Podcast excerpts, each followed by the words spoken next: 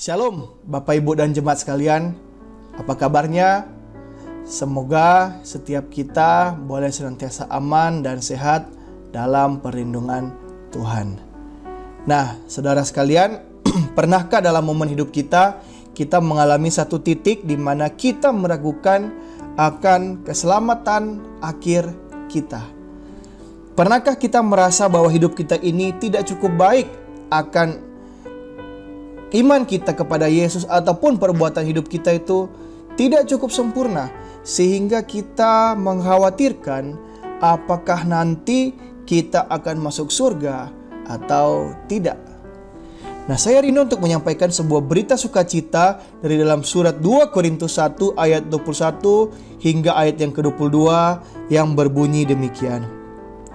Sebab dia yang telah meneguhkan kami bersama-sama dengan kamu di dalam Kristus adalah Allah yang telah mengurapi, memeteraikan tanda miliknya atas kita, dan yang memberikan roh kudus di dalam hati kita sebagai jaminan dari semua yang telah disediakan untuk kita. Nah Bapak Ibu, firman Tuhan ini memberikan kita sebuah pengharapan bahwa Allah meneguhkan setiap orang percaya yang percaya kepada anaknya bahwa jaminan keselamatan kekal itu telah disediakan melalui kehadiran Roh Kudus di dalam setiap hati kita.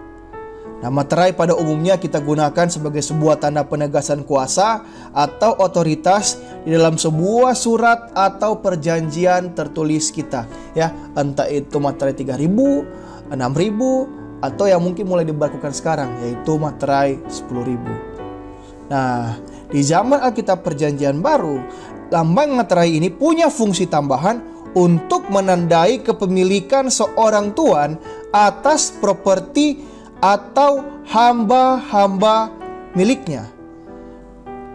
Bapak, Ibu, dan saudara sekalian, jika kita membaca ayat tadi dengan kacamata ini, kita bisa menemukan sebuah keyakinan yang menggembirakan. Ya. Allah sendiri telah menandai kita sebagai umat miliknya bukan hanya dengan sembarang tanda melainkan dengan roh Allah sendiri. Dan pada akhirnya kita boleh paham sekarang bahwa keselamatan akhir setiap kita bukanlah lagi ditentukan dari seberapa baik hidup kita atau seberapa sempurna iman kita, tetapi dari pengalaman hadirnya Roh Kudus Allah di dalam setiap kehidupan kita pada waktu kita memutuskan untuk percaya dari hati kita yang terdalam pada pengorbanan Yesus Kristus. Nah, inilah salah satu kabar baik dari berita Pentakosta yang telah kita rayakan beberapa minggu yang lalu.